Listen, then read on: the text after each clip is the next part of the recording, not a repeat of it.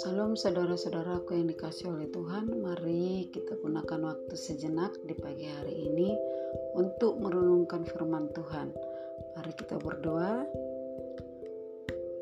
Bapa yang baik Terpujilah engkau Tuhan atas lawatanmu Sampai hari ini kami masih dapat bernapas Sehat dan kuat karena kasih setiamu yang tidak pernah meninggalkan kami Sampai pagi ini Tuhan ini kami mau membaca, mendengarkan dan merenungkan sebagian dari firman-Mu.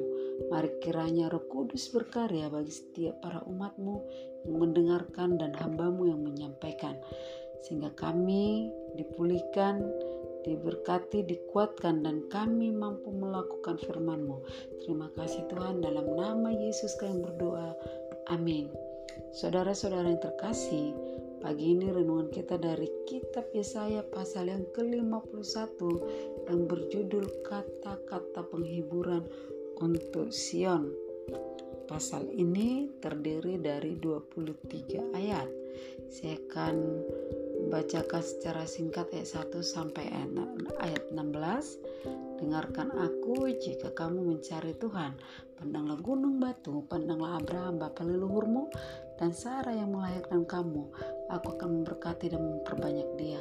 Tuhan menghibur reruntuhannya, membuat padang belantara seperti taman Eden. Kegirangan dan sukacita akan ada.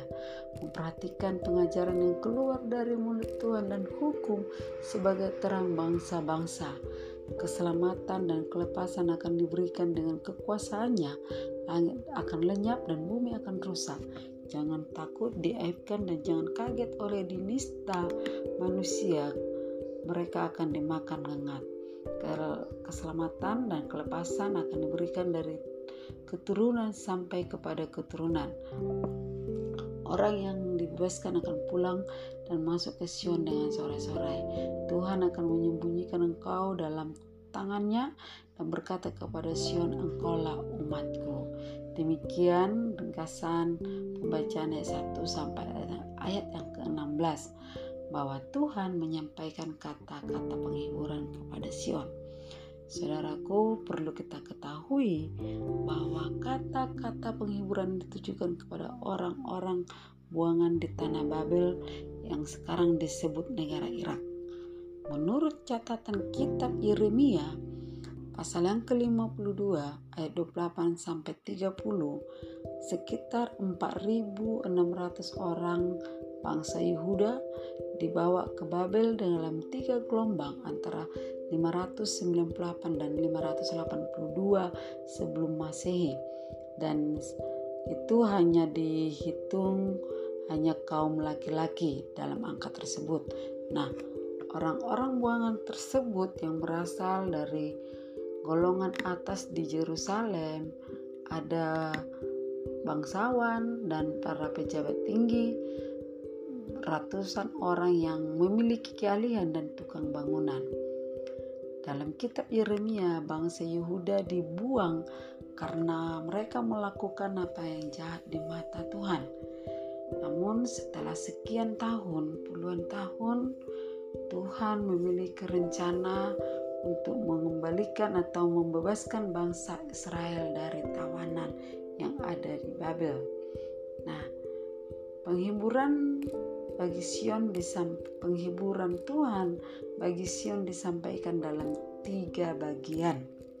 Yang pertama Bapak Ibu, mereka diminta mengingat sejarah yaitu bagaimana dari satu orang Abraham bapak leluhur Israel Tuhan memberkati dan memperbanyak menjadi satu bangsa.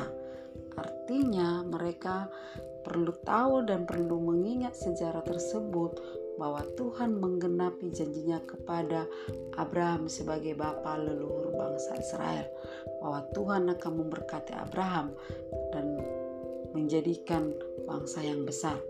Yang kedua, mereka diminta oleh Tuhan memperhatikan apa yang akan Tuhan Allah lakukan di masa depan yaitu bahwa keselamatan dari Tuhan akan segera tiba.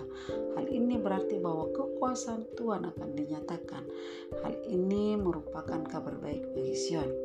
Yang ketiga, Mereka disiapkan agar jangan takut dan terkejut terhadap sikap dan tindakan bangsa-bangsa kepada mereka.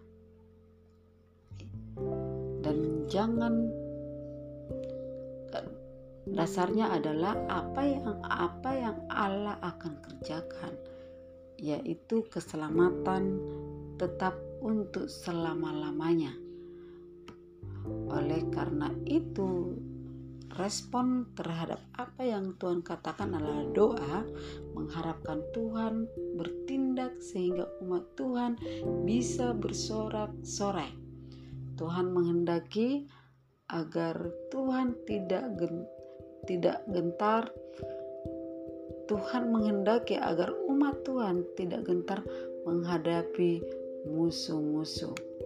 Saudara-saudara yang dikasih oleh Tuhan, Tuhan melakukan Tuhan akan melakukan penyelamatan membebaskan bangsa Yehuda dari tanah pembuangan sebagai tawanan. Mereka mengalami penindasan selama di Babel.